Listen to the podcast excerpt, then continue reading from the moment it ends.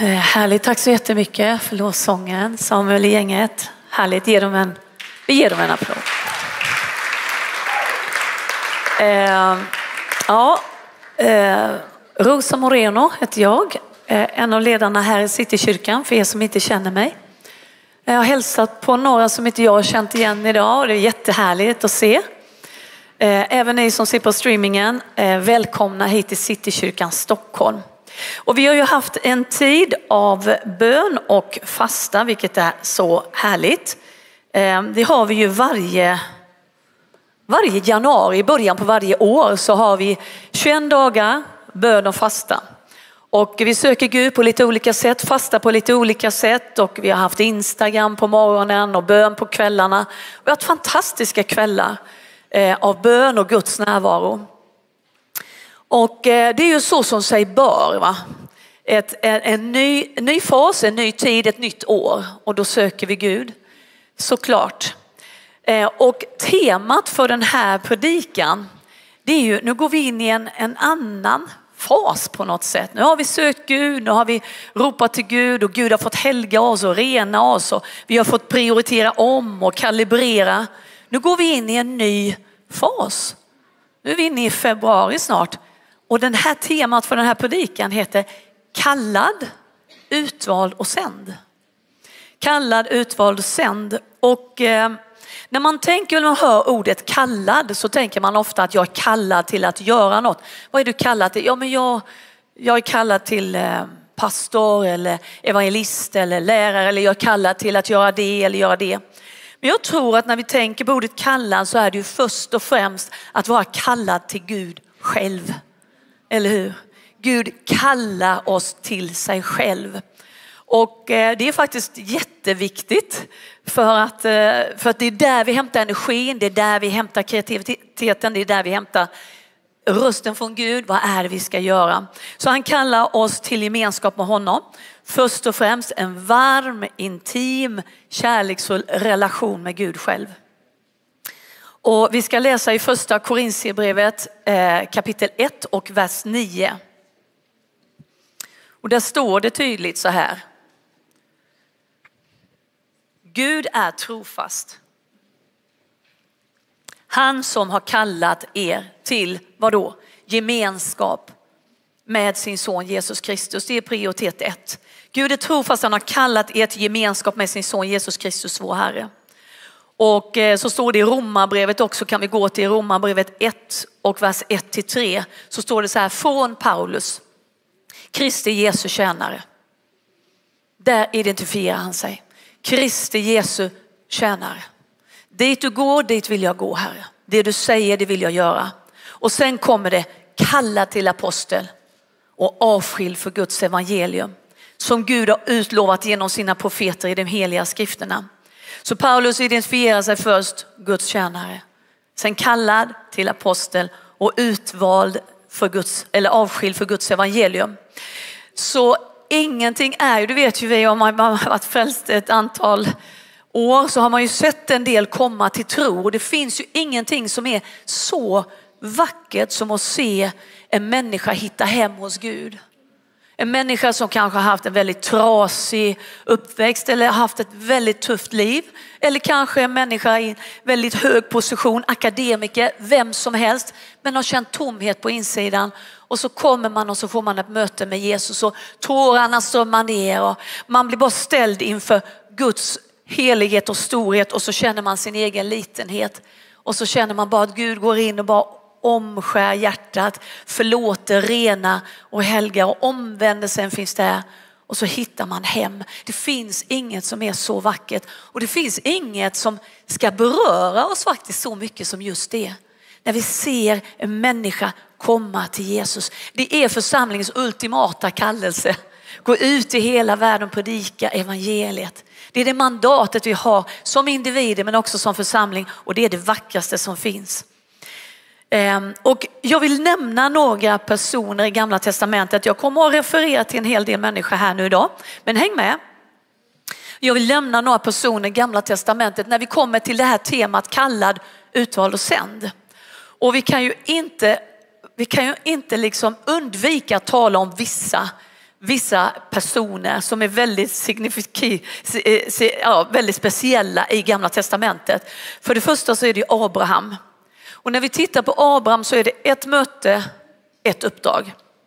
Och väldigt eh, karaktäristiska personer. Eh, och eh, vi ska läsa ett kort bibelord här efter, men det är väl Gud har ju humor. Gud har humor för att när han vill bygga en familj som ska utbredas över hela jorden. Alla släkten på jorden ska bli välsignade. Så väljer han ett 80 år gammalt par och som inte ens kan få barn. Så äh, alltså Gud, Gud prövar vår tro och jag är väldigt tacksam för att Abraham är en man av tro, eller hur? Det står ju om Abraham att det ingen förhoppning fanns. Där hoppades han ändå. Han tvivlade inte på Guds löfte i otro, han trodde på Gud och jag är tacksam för det. Annars hade han ju bara ja, dragit iväg. Här kommer Gud och kallar ett 80 år gammalt par som inte kan få barn och så säger han, ja vad säger han? Vi ska läsa i första Mosebok kapitel 12 och vers 1 till 3. Lyssna här. Herren sa till Abraham, gå ut från ditt land och din släkt och din fars hus och bege dig till det land som jag ska visa dig. Vad säger han? Där ska jag göra dig till ett stort folk. Jag ska välsigna dig och göra ditt namn stort och du ska bli en välsignelse. Jag ska välsigna dem som välsignar dig och förbanna dem som förbannar dig. I dig ska alla, i den ska jordens alla släkten bli välsignade. Väldigt märkligt.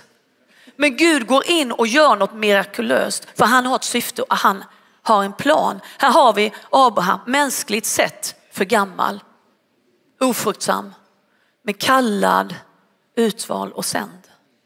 Kallad, utvald och sänd. Eh, vi går vidare också till en typfigur i gamla testamentet som vi aldrig refererar till. Vi, vi, refererar ju alltid till de här, eller hur? De här känner ni igen. Men man kan ju inte undvika det när man talar om de här, det här temat. Vi tar ett Mose till exempel. Eh, det finns ju en hel story om Mose som ni kan gå in och läsa i andra Mosebok. Och jag ska bara referera väldigt, väldigt fort. Eh, det judiska folket kommer till Egypten och det är ju genom Josef som blir såld till slav. Och eh, han får ju liksom, ja, han blir kompis med farao, blir faraos högra hand och eh, tar dit hela sin familj till Egypten. Och då går det kanske 275 till 300 år. En ny kung, en ny dynasti kommer in på arenan och de känner ju inte till Josef och hela den storyn. De ser bara att eh, det judiska folket har bara vuxit och de är välsignade och de är fruktsamma och de fattar liksom inte, oj det här är ju farligt. Så de blir ju slavar. Och sen har vi storyn om Moses, ni vet han blir räddad av sin mamma ut på Nilen, faraos dotter hittar honom och han växer upp i palatset. Och sen försöker han rädda sitt folk och slå ihjäl en hebré och får fly ut i öknen. Och där är nu Mose. Och Gud kallar på honom genom en brinnande buske och säger Mose, Mose, jag är Abrahams, eh, Isak och Jakobs Gud, lyssna på mig. Och då säger Mose, här är jag. Och då kommer vi till bibelordet andra Mosebok kapitel 3 och vers 9 säger Gud så här. Se, ropet från Israels barn har kommit upp till mig och jag har också sett hur egyptierna förtrycker dem. Gå nu, jag ska sända dig till farao och du ska föra mitt folk, Israels barn, ut ur Egypten. Här har vi då, eh, här har vi då eh, Mose som har mördat en man. Han har fått fly, han är ute i öknen och så kallar Gud på honom. Kallad, utvald och sänd. Vi har en ung kvinna, jag drar ganska fort igenom den här men häng med. En ung kvinna, judinna, föräldralös. Och eh, ni vet att jag talar om Ester. Hon blir drottning i Persien. Kungen eh, finner henne, liksom, vill ha henne och hon blir drottning i Persiens rike. Och några år senare så kommer det en man fram och han heter Haman. Haman eh, blir vän med kungen där och drivs av en antisemitistisk ande och vill utplåna hela folket. Och nu har vi Ester där. Vad märkligt att hon är just där och då. Tycker inte? Ester kapitel 4 och vers 15. Så står det så här. Då sände Ester detta svar till Mordecai. Gå och samla alla judar som finns i Susan och håll fasta för mig. Ni ska inte äta eller dricka något under tre dygn, varken dag eller natt. Jag och mina tjänarinnor ska också fasta på samma sätt och därefter ska jag gå in till kungen, även om det är mot lagen. Så, så ska jag gå förlorad, så må jag gå förlorad. Och Mordecai gick iväg och gjorde allt som Ester hade befallt honom. En ung kvinna, judinna, föräldralös, men kallad, utvald och sänd. Det ger ju hopp för oss alla, eller hur? Det här är ju verkliga personer, det är ingen fiction det här. Det här är verkliga personer som Gud har kallat i speciella, specifika situationer. Och eh, vad har de här gemensamt? Det finns ju väldigt många, du har ju Jeremia också, vi behöver inte ta upp honom nu. Men Jeremia var ju också kallad, han skulle egentligen bli präst, men han blev kallad till profet och Gud kallar honom ut i tjänst. Och vad har de här människorna gemensamt då? De har någonting som är gemensamt, jo, de har ett öppet hjärta för Guds konkreta tilltal. Men de har också en kapitulation, en lydnad till att faktiskt följa Guds instruktioner. Det kan vara lite fight, du vet, ibland när Gud säger något så va? Jag? Mig? Nej, absolut inte. Men man gör det. Det finns en lydnad. Och så finns det hos dem en förståelse av att ge vidare. Vad är det de ger vidare? De besluten som de tar, det är ödesmättade beslut. Det är ödesmättade beslut. Och tittar vi i, i Nya Testamentet så ser vi ju när Jesus går omkring och kallar lärjungarna till sig. Först i en relation med honom och sen i ett utflöde utåt. Först en relation och sen ett utflöde utåt. Och vi ser ju hela Nya Testamentet när han kallar Saulus och Paulus. Vi ska inte gå in på det nu men när man är kallad, vad kan vi göra någonting åt det att vara kallade? Ja, egentligen inte va. Vi är kallade och vi är utvalda av Gud. kan vi inte göra så mycket åt. Vad innebär det då att vara kallad? Jo, man är ju inte vem som helst. Vi är ju faktiskt kungabarn. Vi är Guds ambassadörer och eh, vi är utvalda av Gud själv till ett specifikt syfte. Till något som Gud vill använda oss till. Ett inflöde och ett utflöde. Och eh, vi ska läsa i första eh, Petrus brev kapitel 2. Det här har vi läst många gånger. Men det är så sant. Ni är ett utvalt släkte. Vi är ett utvalt släkte, ett konungsligt prästerskap. Vi är ett heligt folk, ett Guds eget folk för att vi, ni står det, vi ska förkunna hans härliga gärningar. Han som har kallat er från mörkret till sitt underbara ljus. Kallade kan vi inte göra så mycket åt, vi är utvalda av Gud. Men när det kommer till att bli sända, ja men det är också Guds initiativ. Men det måste finnas någonting hos oss av gensvar när det kommer till att bli sända. För, för vi måste ju liksom gå i en rörelse dit Gud visar oss. Eh, och eh, många bibelord nu i början, så är det när jag predikar, det vet ni. Men vi ska läsa ett fantastiskt bibelord här ifrån Jesaja 6 och vers 1. Häng med nu, jag vet inte om det kommer på skärmen, vi får se. Året då kung Usia, Lucia, vad man nu vill, dog, lyssna nu, såg jag Herren sitta på en hög och upphöjd tron och släpet på hans mantel uppfyllde templet. Serafer stod ovanför honom, var och en hade sex vingar. Med två täckte de sina ansikten, med två täckte de sina fötter och med två flög de. Och den ena ropade till den andra, helig, helig, helig är Herren Sebaot. Hela jorden är full av hans härlighet. Och rösten från den som ropade fick dörrposterna och trösklarna att skaka och huset fylldes av rök. Och då sa jag, ve mig, jag förgås. För jag är man med orena läppar och jag bor ibland ett folk med orena läppar och mina ögon har sett kungen, Herren Sebaot. Då flög en av seraferna fram till mig och i hans hand var ett glödande kol som han hade tagit från altaret med en tång och det rörde vid min mun och sa, när detta har rört vid dina läppar skall din synd, är din synd borttagen och din synd försonad. Och jag hörde Herrens röst. Han sa, vem ska jag sända och vem vill vara vår budbärare? Och då sa jag, här är jag, sänd mig. Han sa, gå och säg till detta folk och så vidare. Vem ska jag sända, vem vill gå? Vi har ju hört detta väldigt mycket. Jag vet att, att vi har predikat om det en hel del. Vem ska jag sända, vem vill gå? Och vi säger, här är jag, sänd mig. Men ibland behövs det en rörelse utåt.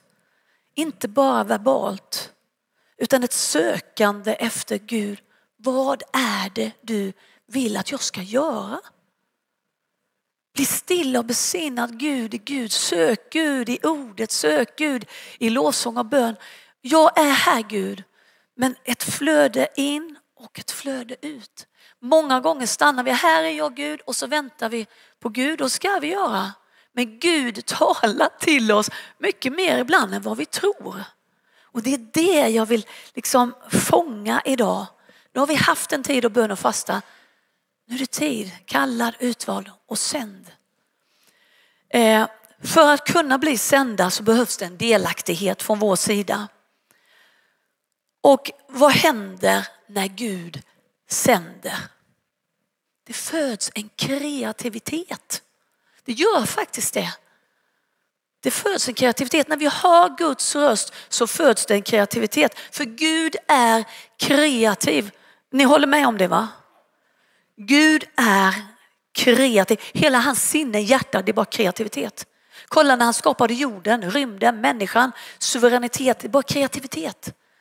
Vi kan ju börja studera liksom allt det Jag har sagt det hundra gånger. Människokroppen, rymden, allt. Det är ogripbart för människan. Fullt av kreativitet. Och eh, Gud vill göra så mycket genom sin församling, genom oss. Och eh, jag tänker faktiskt vittna lite grann om någonting som jag själv var med om för inte så länge sedan. Jag vet inte om hur många som hörde talas om att vi hade en manifestation mot antisemitism. Den 27 i första på förintelsens minnesdag så stod vi på Norrmalmstorg klockan 12 och hade manifestation. Men det började ju inte där. Det började inte där utan det började med att man satt hemma och jag satt hemma och 7 oktober hände och det var fruktansvärda saker som hände. Och vi såg antisemitismen började liksom växa fram och saker och ting började komma upp så vi kände bara det här är ju obekvämt, det här är vi inte riktigt vana vid. Och jag bara satt där hemma och sa bara, men vad ska man göra? Och ja, jag kan skriva en debattartikel, vilket jag också gjorde senare, som skickades in och kom ut. Men vi måste göra, alltså vad ska vi göra? Och så fick jag ett namn och det var Gud. Och vi, har, vi är goda vänner till Marco och Anna Strömberg. De är med här i församlingen. Jag satt och bad så fick jag från Gud, ring Marco Strömberg. Ja okej. Okay. Jag ringer Marco Strömberg så sa jag i telefonen, Marco vi måste göra något. Vi måste göra något. Okej, okay, sa han liksom. Han är ju en doer liksom. Han bara, vad ska vi göra då liksom? Alltså så sa jag, ska vi göra någon namninsamling? Nej, sa han, det, det brukar inte ge så mycket resultat. Och så sa han, ska vi, ska vi göra manifestation? Ja, manifestation, det har jag ju aldrig gjort. Jag har inte en aning liksom. Och så började vi prata och så började det födas någon kreativitet i oss där så att vi bara, ja men hur gör vi då? Vad ska man göra då? Ja, och sen då så började vi bara placera ut och göra någon slags mall och så plötsligt så skapade vi en, en, en eh, processgrupp och vad ska vi ha med och hur ska, vi, ska, ska det se ut och hur ska strukturen se ut och när ska vi göra det och så vidare. Vi måste söka polistillstånd. Och allting bara föddes fram av Gud. Var det för att vi var så fruktansvärt duktiga? Vi visste ju inte ens hur man gjorde. Hur är det möjligt? Men Guds kreativitet kom och liksom plötsligt då så, det var jättemycket motstånd ska ni veta. Alltså vi fick inte polistillståndet för en och en halv vecka kanske innan vi skulle ha manifestationen. Men vi bara jobbade i tro. Vi bad, vi hade Zoom-möten, vi bad tillsammans varje vecka, flera gånger i veckan. Och vi, vi skrev ibland på nätterna och vi bara bad och ropade till Gud. Och, och till slut så bara fick vi ihop allt. Och vi fick inte tag i någon judisk företrädare för de vågade inte eller så var det sabbat. Vi bara fortsatte be, fortsatte be. Gud du har sagt det här. Och den 27 i första så stod vi där. Och Gud hade fyllt på och svarat på alla våra böner. Det hade inte med någon stor organisation att göra, det hade inte med någon speciell församling att göra. Det hade inte med något mänskligt att göra. Det hade bara med att Gud bara rörde och så hände det någonting. Och plötsligt öppnades dörrar, dörrar stängdes, motstånd, jobbigt, be. Men Gud förde fram det. När vi stod där på manifestationen, det var över tusen människor det. Och alla politiker, det var ju en politiker som reste från Göteborg, kom ner, pratade i tre, fyra minuter, åkte tillbaka direkt hem till sin familj. Alla var på, alla var inspirerade, alla ville detta. Det skrevs i tidningarna, flera tidningar, och var på Vision Sverige och Kanal 10 och Inblick och plötsligt så började det ske en rörelse och då var det politiker som la ut på sina egna sociala medier. Och vet ni om att, vet du hur många visningar vi har fått? Över hundratusentals visningar på denna gripande manifestation. Är det någonting som vi har kunnat göra i oss själva? Nej, nej, nej, nej. Det är Guds kreativitet. Och den här processen, hur börjar den då? Jo, det börjar med en tanke. Förakta inte den ringa begynnelsen, börjar med en tanke. Det börjar med en tanke så föds en kreativitet. Det här är ju, men det kanske är möjligt. Och vad händer sen? Jo, kommer energin och kraften. Och hur kommer tiden? Jo, det är att vi prioriterar om och vi skapar utrymme för att göra det här. Plötsligt så finner sig en glädje där. Det här vill jag göra. Vad kostar det? Det är hårt, det är svårt. Ja, men jag vill göra det. Och så föds tro för uppdraget. Och sen vad händer då med tron? Tron blir en övertygelse. Det här är vad Gud har sagt. Det är en process som sker. Och eh, allt Gud initierar föder kreativitet och glädje och det innebär inte att det blir lätt. Snarare tvärtom. Men man ska inte se för lite på sig själv när vi kommer. Vi är ett konungsprästerskap. Vi är individer inför Gud och Gud vill tala till oss var och en och han vill agera och göra saker med våra liv. Så nu kommer jag här att ta några stycken personer, människor som har gjort skillnad. Vi talar om en afroamerikansk kvinna som är född 1913 i USA. Och den första december 1955 så sitter hon på en buss i USA. Och plötsligt så vägrar hon att resa sig för en vit person. Och det är ju självklart Rosa Parks jag pratar om. Eller hur? Vad händer? Jo, det, hon är ju upprorisk, hon blir ju arresterad. Men vad hände med den, ah, vad den med att hon blev arresterad? Vad hände? Vad var det för konsekvenser? Jo, det blev en 381 lång bussbojkott som ledde till ett domstolsbeslut där det bestämdes att det inte var okej att skilja mellan svarta och vita på en sån här bussresa eller när de åkte då kommunalt. Vad var det som hände? Jo, den här kvinnan gick till historien. Jag pratar om henne än idag. Hon föddes 1913 men civilkurage gjorde skillnad. Vet ni om en sak? Det finns något annat som jag tyckte var väldigt intressant. Eh, jag hittade missionens kvinnor förändrade världen. Vet ni att två tredjedelar av alla missionärer som Svenska kyrkan sände ut var kvinnor. Två tredjedelar var kvinnor. Vad, var det, vad gjorde de? De var starka, de var modiga, de var drivna av en kallelse. Vad gjorde de? De byggde skolor. De startade sjukhus, de predikade, de undervisade. Och eh, vi talar om kvinnor som förändrade världen. Och eh, hela den internationella missionsrörelsen var i stor del en kvinnorörelse. Kanske inte du visste. Jag visste inte detta. Jag tyckte bara det var fascinerande. Eller hur? Två till får ni hänga med på. En man, en läkare, jag har koll på tiden älskling. en man En man som är läkare, gynekolog. Lyssna här. Dennis Mukwege. Vet ni vem han är? Alla vet vem han är. Konflikten i Kongo har skördat fler offer än alla andra konflikter sedan andra världskriget. Och eh, våldtäkt användes som vapen.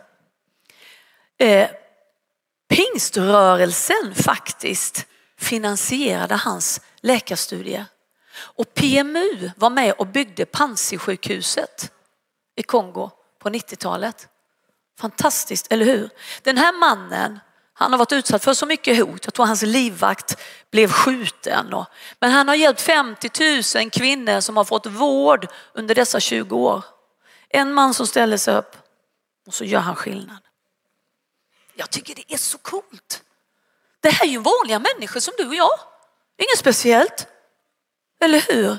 Den sista som jag vill prata om, hon heter Maria Gustafsson. Vet ni vem hon är? Nej, inte jag heller. Men jag läste om henne. Jag läste om henne. Vet du vad hon gör? Hon arbetar med Wycliffs språkarbete i Chad. Och jag, jag slog upp det här, det var i Centralafrika, Chad. Aldrig hört talas om det heller. Hennes uppgift, vet ni vad det är? Blir att utveckla ett av Chads många muntliga språk till skriftspråk. Och vad händer då? Det gör att man kan översätta läs och skrivmaterial och böcker som Bibel och ge barn, ungdomar och vuxna en utbildning.